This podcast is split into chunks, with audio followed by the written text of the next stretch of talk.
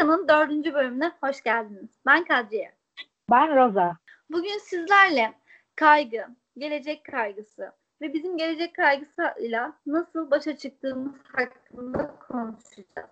Evet Roza istersen sen başla. Kaygı nedir? Kaygı, kaygı nedir? Aslında kaygıyı ben kendim şu şekilde tanımlıyorum. Bilinmeyene karşı korku. Bilmediğimiz şeyler bizde daha büyük bir e, korku meydana getiriyor. Kaygı e, aslında Yunanca e, anksiyeteden geliyor. Anksiyete de endişe, bu merak anlamına geliyor. Ne konuda e, biz daha çok böyle e, endişeleniyorsak ya da acaba ne olacak, nasıl olacak bir bilinmezlik söz konusuysa aslında o konuda daha çok kaygılanabiliyoruz diye düşünüyorum. Hı hı. Ve e, biraz daha kaygı e, farklılık gösterebiliyor her insandan insana. Çünkü hepimizin e, sosyal çevresi farklı, yaşamdan beklentilerimiz farklı, yaşamı tanımlama biçimimiz farklı. O yüzden kaygı duyduğumuz şeylerde farklılık gösterebiliyor. Yani şöyle zengin bir e, ailenin çocuğunun kaygısı maddi yönde değildir mesela. Evet. Belki e, daha farklı yönlerdedir. Ama e, maddi yönden bir yoksunluk varsa e, daha çok maddi kaygılar söz konusu olabilir. Yani aslında bulunduğumuz zeminde ne gibi eksikliklerimiz varsa e, ya da en çok ne konuda endişeleniyorsa yaşıyorsak ve eksiklik duyuyorsak o konuda daha çok e, kaygılanıyoruz diyebilirim. İşte kaygı düzeyde, kaygının kaynağı da çok değişkenlik gösterebiliyor bence her insana göre veya her çevreye göre. Aslında ülkeden ülkeye, şehirden şehire bile bence değişkenlik gösterebiliyor. Çünkü zaten yaşadığımız çevre bizim tüm duygularımız üzerinde zaten büyük bir önem arz ediyor. Bu yüzden de çok fazla. Örneğin Türkiye'de en çok e, ne kaygı, ne kaygısı diyoruz? Gelecek kaygısı. Çünkü en çok bunun zemininde eksikliklerimiz var ve en çok bununla ilgili olumsuz geri dönüşler var. Bu yüzden de aslında en çok e, Türkiye'de duyduğumuz kaygı gelecek kaygısı. Yani küreselleşen dünyada birçok makro ve mikro birçok problem var. E, bunlardan en önemlisi ele aldığımızda da bence gelecek kaygısı olduğunu düşünüyorum ben. Evet.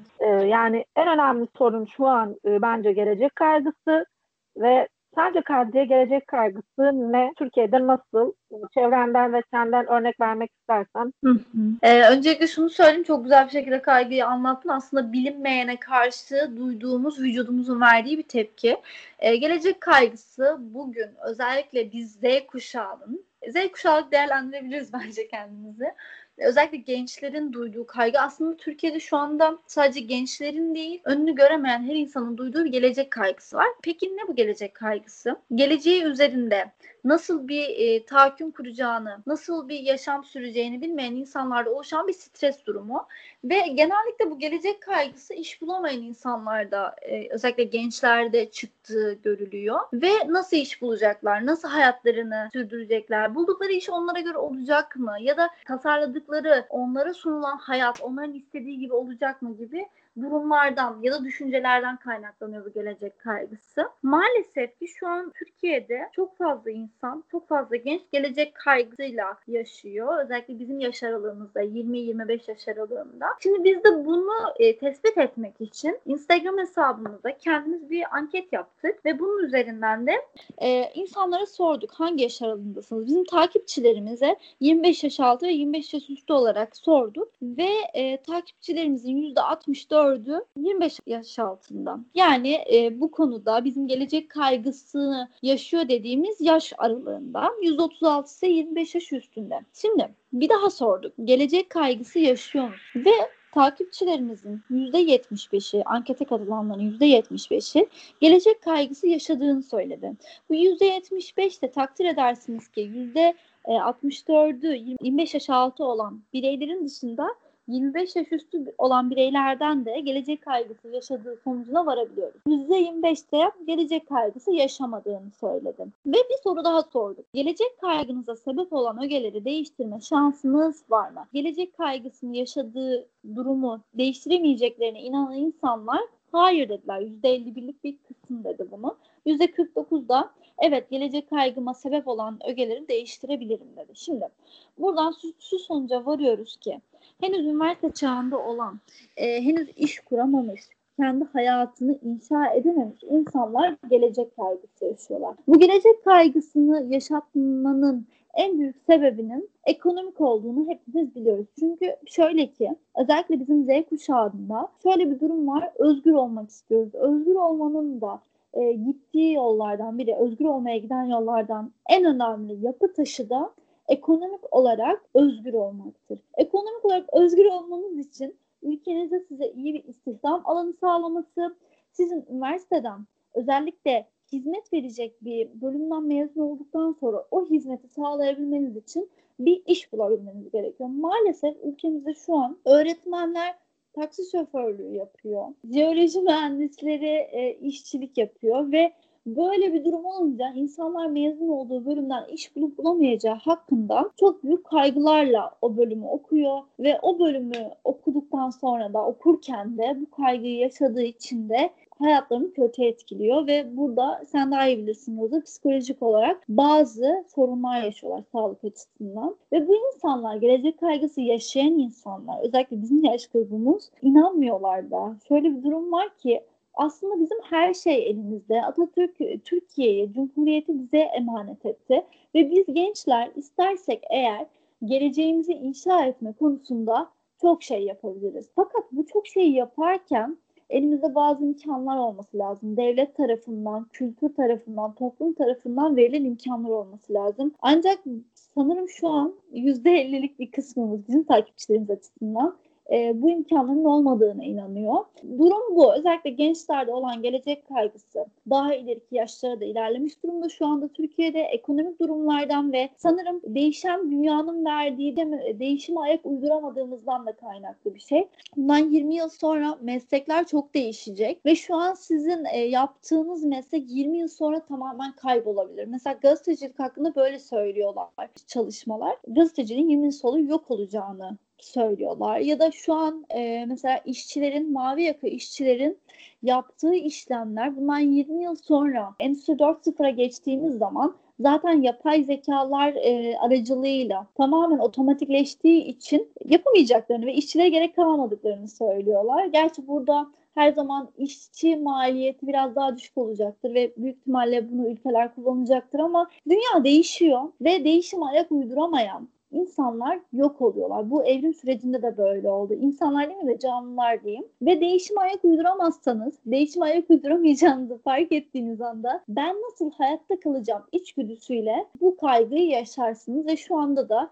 bizim ülkemizde de yüksek oranda bu kaygı var ve bu kaygıyı nasıl yeneceğiz, ne yapacağız bilmiyorum. Şimdi ben şimdi sana sormak istiyorum Roza. Senin gelecek kaygın ne? Neye dair bir gelecek kaygısı yaşıyorsun? Yani şimdi ben e, çocukluğumuzdan beri hepimiz yani artık bir kendimizi tanımaya ve çevremizi tanımaya başladığımızdan ve bu bilince e, varmaya başladığımızdan beri aslında bir kaygı dünyasına doğuyoruz zaten. Kaygı başta bizim için aslında biraz savunma mekanizması gibi. Çünkü ilk bir şeyleri öğrendiğimizde e, mesela bize zarar verecek bir, şeyle karşılaştığımızda kaygılanıyoruz ve ondan uzaklaşıyoruz. Uzaklaştığımızda kaygımız azalıyor. Aslında bu yolla kendimizi korumuş oluyoruz. Aslında beyin bu kaygı ve e, korkuyu kullanarak önce kendisini korumaya alıyor. Ama bunun da belli bir düzeyi var. Bu artık bir yerden sonra korumadan çıkıp da sürekli kaygı e, meselesine döndüğü zaman da e, bize geri dönüşü e, sadece psikolojik bir takım rahatsızlıklara dönüşü şeklinde oluyor. Benim kaygım aslında bizim hepimizin bu çevredeki gençlerin hepsinin kaygısını tek e, bireysel olarak kendi e, kendimize e, yönelttiğimiz kaygı değil. Aynı zamanda bu devletin politikasıyla ilgili, sosyoekonomik durumumuzla ilgili, aldığımız eğitimle ilgili, yani kaygımızı yönlendiren o kadar çok şey var ki buna temel oluşturan. Yani e, tek başına bizim kendi kaygılarımız dışında bizi kaygıya iten birçok e, mesele var. Benim kendi kaygılarım bu diğer her gençte olduğu kaygılarla birlikte işte gelecek kaygısı, iş bulma kaygısı, para kazanma kaygısı, işte ondan sonra acaba saygın bir yere gelecek miyim, e, yetecek miyim, sağlıklı olabilecek miyim? Yani birçok kaygının haricinde ben yani kendime affettiğim en büyük kaygılarımdan biri ben başarılı olacak mıyım? Yani bu hayatta bir şeyler bırakabilecek miyim kaygım daha çok. Ee, en çok benim kafamda yer eden kaygım. Ve en çok bunun için çaba sarf ediyorum. Ama maalesef bulunduğumuz ülkede yani ülkemizde çok yani suçluyormuş gibi görünüyoruz ama hani gözle görüneni de açıkçası sakınamam yani. Neyin eksikliği varsa ve neyin bilinmezliği varsa biz ona göre bir kaygı düzeyi geliştiriyoruz. Evet. Yani benim kaygım şu an eğer ki geçim kaygım çok olmasaydı belki ben de daha çok eğitim üzerine bir takım kaygılar besler. Onun üzerine kendimi geliştirebilirdim. Bir yandan hem e, hayatımı idame ettirmek için çalışıyorum, çabalıyorum. Bir yandan aynı zamanda e, ruhumu beslemek için bir takım kaygılarım var ve onlar için çaba sarf ediyorum. Ben aslında ikisi arasında koşup giden taraftayım. Ki gençlerimizin çoğu da bu böyle. Ben böyle görüyorum gördüğüm kadarıyla. Hem para kazanmalıyım ama hem aynı zamanda böyle bir hayat olmaz. Kendime de bir şeyler katmalıyım. Çünkü gelişen bir dünyadayız, değişen bir dünyadayız. E, yerimizde saymayı da kabul etmiyoruz. Yani benim kaygılarım bu şekilde. Ben aynı zamanda birçok dala koşuyorum. Çünkü şartlarım bu şekilde. Şartlar nasılsa kaygılar da o şekilde olgunlaşıyor ve gelişiyor. Mesela e, kiminin e, şart e, kaygısı maddi kaygılar bittiği an işte kendini geliştirmek, yurt dışını gezmek, işte ikinci üniversite okumak, şunu da yapmak, bunu da yapmak. Çünkü onun kendinde eksik gördüğü ve ya ileri düzeyde kendine görmek istediği şeyler bunlar. Ama e, ne bizde daha çok böyle eksikse biraz daha kaygılarımız o yönde gibi geliyor bana. E, yani kimisinde zengin bir koca bulabilecek miyim ya da evlenebilecek miyim? Evet farklılık gösterebiliyor. Ben başarılı olmak istiyorum. Bir şeyler bırakmak istiyorum ve kaygım da hep bu şekilde. Umarım zamanla bunu azaltırım. Ama bu kaygıyı azaltmak için de kendi içimde bir çaba, çaba sarf ediyorum. İşte kaygıyı sadece aa kaygılanıyorumla bir yere varmıyor açıkçası. Ee, onun için e, biraz çaba sarf etmek gerekiyor. Kaygıyı nasıl tanımlıyorsun? Bu kaygın neden var? Sen bu kaygı gidermek için nasıl çabalıyorsun? Bunun için bir mücadelen var mı? Aslında kendine sürekli soruları sorman lazım. Evet. Yoksa içinden çıkılmaz bir durumun içine düşebiliriz açıkçası. Peki sence kaygıyla sen nasıl baş ediyorsun? Senin ne gibi kaygıların var? Biraz onlardan bahset istersen. Ee, benim kaygılarım şu şekilde. Öncelikle şöyle bir durum var ki ilk kaygım tabii ki de ekonomik. E, hepimizin olduğu gibi ben de bazı noktalarda kendime yetebilmek, ayaklarımın üzerinde durabilmek istiyorum. Bu bence hepimizin olması gereken bir durum. Çünkü dediğim gibi bazı insanlar diğerlerinin ailesinden gelen bazı zenginliğin ya da eşinden, çoluğundan, çocuğundan gelen zenginlikleri kullanarak ayakta kalıyorlar. Ama e, kendi kendine yetebilme, ekonomik olarak yetebilme güdüsü bence çok çok önemli. O yüzden ilk kaygım tabii ki de ekonomik. Onun haricinde senin dediğin gibi başarılı olabilecek miyim kaygısı bende de var. Çünkü şöyle bir şey var ki biz Z kuşağı olarak bir şeyleri başarmak istiyoruz, bir şeyleri yapmak istiyoruz ve önceki kuşakların aksine bence bir şeyler üretmek ve kendimizi geliştirmek bizim için biraz daha önemli. Ve bu yüzden de kendimi geliştirmek maksadı, daha doğrusu kendimi gerçekleştirmek maksadıyla bir şeyleri başarmış olmak istiyorum. Biz birinci bölümümüzde de konuşmuştuk yaşamın anlamında. Biz bir şeyler üretmek isteyen, geriye bir şeyler bırakmak isteyen insanlarız. Ve bu bıraktığım ürünleri, yani daha doğrusu bırakmak istediğim ürünleri gerçekleştirmek ve yapabildiğimin en iyi şekliyle, en iyi versiyonumla yaratmak istiyorum. Aslında birazcık e, kendini gerçekleştirmek anlamamız olduğu için kendimizi gerçekleştirmek kaygımız da var. Acaba bunu yapabilecek miyim? Gerçekten iyi olacak mı? Ya da insanlar beğenecek mi demeyeyim de insanlar beni anlayacak mı gibi durumlarda kaygım var. Bunlar haricinde aslında bir şeylere faydalı olmak istiyorum. Bazı insanlar derler ki hani ben kendim için yaşıyorum. Sadece kendim varım, ben varım. Ben aslında bir şeylere dokunmak, bir şeyler yapmak istiyorum. Ve bu kaygı aslında beni çok yıpratıyor. Çünkü sürekli insanlara dokunamazsın ya da sürekli insanlara iyi gelemezsin. Bazı noktalarda kendini ön plana koyman ve sadece kendin için bir şeyler yapman gerekiyor. Ama bazı bazen de olmuyor. Toplum bizden bazı şeyleri istiyor ve bu istenilen şeyler bazı insanları tatmin etmek üzerine kurulu oluyor. Ve ister istemez e, büyüdüğümüz toplumdan, kültürden etkileniyoruz ve buna bağlı olarak da birilerini memnun etme kaygımız oluyor. Ama dediğim gibi bu kaygıların en başında ekonomik kaygı yer alıyor. İş bulabilecek miyim? Bulduğum iş beni tatmin edecek mi? Bir de şöyle bir şey var değil mi Roza? Ee, sen şimdi çalışan bir insansın. O yüzden sana soruyorum. Üniversitede düşündüğün iş hayatıyla şu anki yaşadığın iş hayatı çok farklı değil mi? Ya tabii ki çünkü o zaman hani okuyorsun, görüyorsun ama tam anlamıyla e, bilmiyorsun aslında ne gibi sorunlarla karşılaşacağını.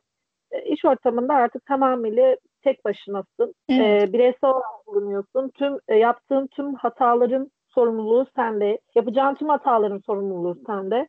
Ve e, daha fazla bir kaygı içerisinde oluyorsun. Acaba hatalı iş yapacak mıyım? Benim işim biraz da sağlık olduğu için Hı-hı. acaba bir hastaya zararım olacak mı? Yani bulunduğun işte artık tek başına sorumlu kişi sensin yapacağın şeyle ve bu yüzden de daha e, stresli ve kaygılı oluyor açıkçası iş hayatı bu konuda. E, yani söz almışken şunu söylemek istiyorum. Yani kaygıyı bir tek kötü olarak aslında algılamamız lazım. Kaygıyı iyi yönlendirebilirsek aslında insan e, hayatı için mücadele etmez, çabalamaz. Kaygı bizi aslında e, bir çabalamaya, e, bir düzeltmeye iter. Sonra gelecek kaygımız var. Bu gelecek kaygısından dolayı biliyorsun ki artık İngilizce bilmeden geleceğinde bir noktada eksiklik çekeceksin. Aa o zaman bu kaygı sana işe yarar çünkü onu öğrenmeye çalışırsın. Evet, ikinci kesinlikle. Bu gerekli. Aslında bir takım kaygılar bize e, ileriye yönelik çaba sarf etmemiz noktasında e, tetikleyebilir ve iyi gelebilir. Ki öyledir de zaten. Evet. Önemli olan bu kaygıları sadece kaygı noktasında bırakmayıp o kaygıların ne gibi azaltabilirim ve bunun için nasıl çabalayabilirim? Bu kaygılarımdan kurtulabilirim. Bunu azaltabilirim diye çaba sarf etmemiz gerek sarf etmemiz Hı. gerekiyor. Kendi ufak hedefler koyabiliriz. İşte gelecek kaygımız varsa mesela ben dil bilmiyorum. İyi bir üniversiteden mezun değilim. İyi bir işim yok. Yani iyi bir işten kastım. Tatmin çok edici. para kazanabileceğim bir işim yok ya tatmin edecek. O zaman bir yerlerden başlamak lazım. O zaman dil öğrenmekle mesela başlayabilirim. Ya da yüksek lisans yapmak olabilir. Bundan başlayabilirim. Kendimize küçük hedefler koyup aslında kaygı düzeyimizi azaltmamız lazım. Aa bende hiçbir şey yok, ben hiçbir şey yapamayacağım, işte çok sorun var. Demek aslında çıkım, çıkmaza sokuyor aslında biraz da. Bir yerlerden başlayıp o kaygıyı yönlendirmek, kaygımızı azaltmak için aslında çabalamak gerekiyor diye düşünüyorum. Ama e, artık kaygımız bize hastalık noktasında geri dönüş yaptığı zaman da kesinlikle bireysel olarak baş edemediğimiz noktada profesyonel yardım almamız gerektiğini düşünüyorum. Kesinlikle, kesinlikle. O zaman şunu diyebilir miyiz Roza? Kaygı olması gereken, aslında bizi geleceğe bağlayan, bir şeyler yapmamızı, harekete geçmemizi sağlayan bir e, duygu durumu. O zaman biz kaygımızı azaltmak ve bir şeyler yapmak istiyorsak harekete geçmeliyiz. Bu kadar biz bunu da söylemiş olalım.